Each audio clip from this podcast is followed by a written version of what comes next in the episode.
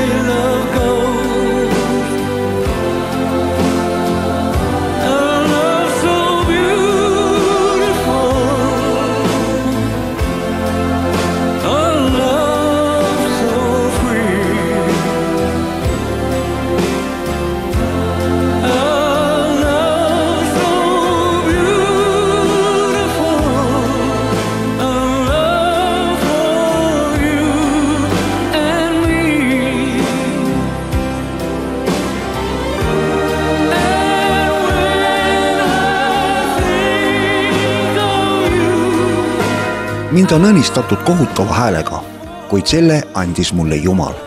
nii on iseloomustanud ennast tuhande üheksasaja kolmekümne kuuendal aastal Texases sündinud Roy Kelton Orbison.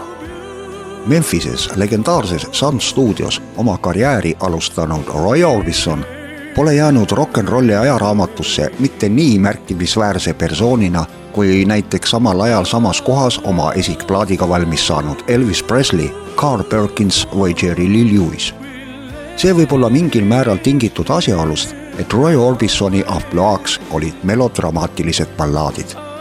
samas on siiski tegemist suurepärase laulja ja väljapaistva laululoojaga, keda on oma eeskujuks seadnud teiste hulgas sellised nimed kui John Lennon, Paul McCartney, John Fogerty, Bob Dylan ja Bruce Springsteen ei tahaks siin hakata lahti seletama Roy Orbisoni tähtsust rokkmuusika arengule, see läheks hirmus pikaks.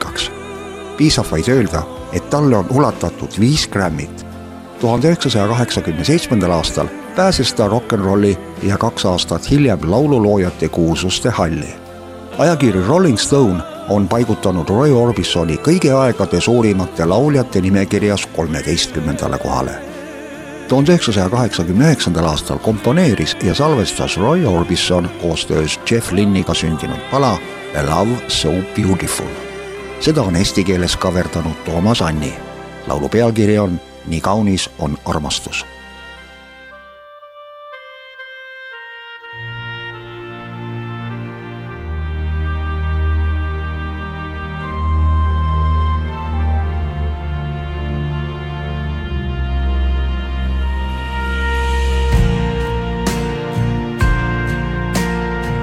suve väikse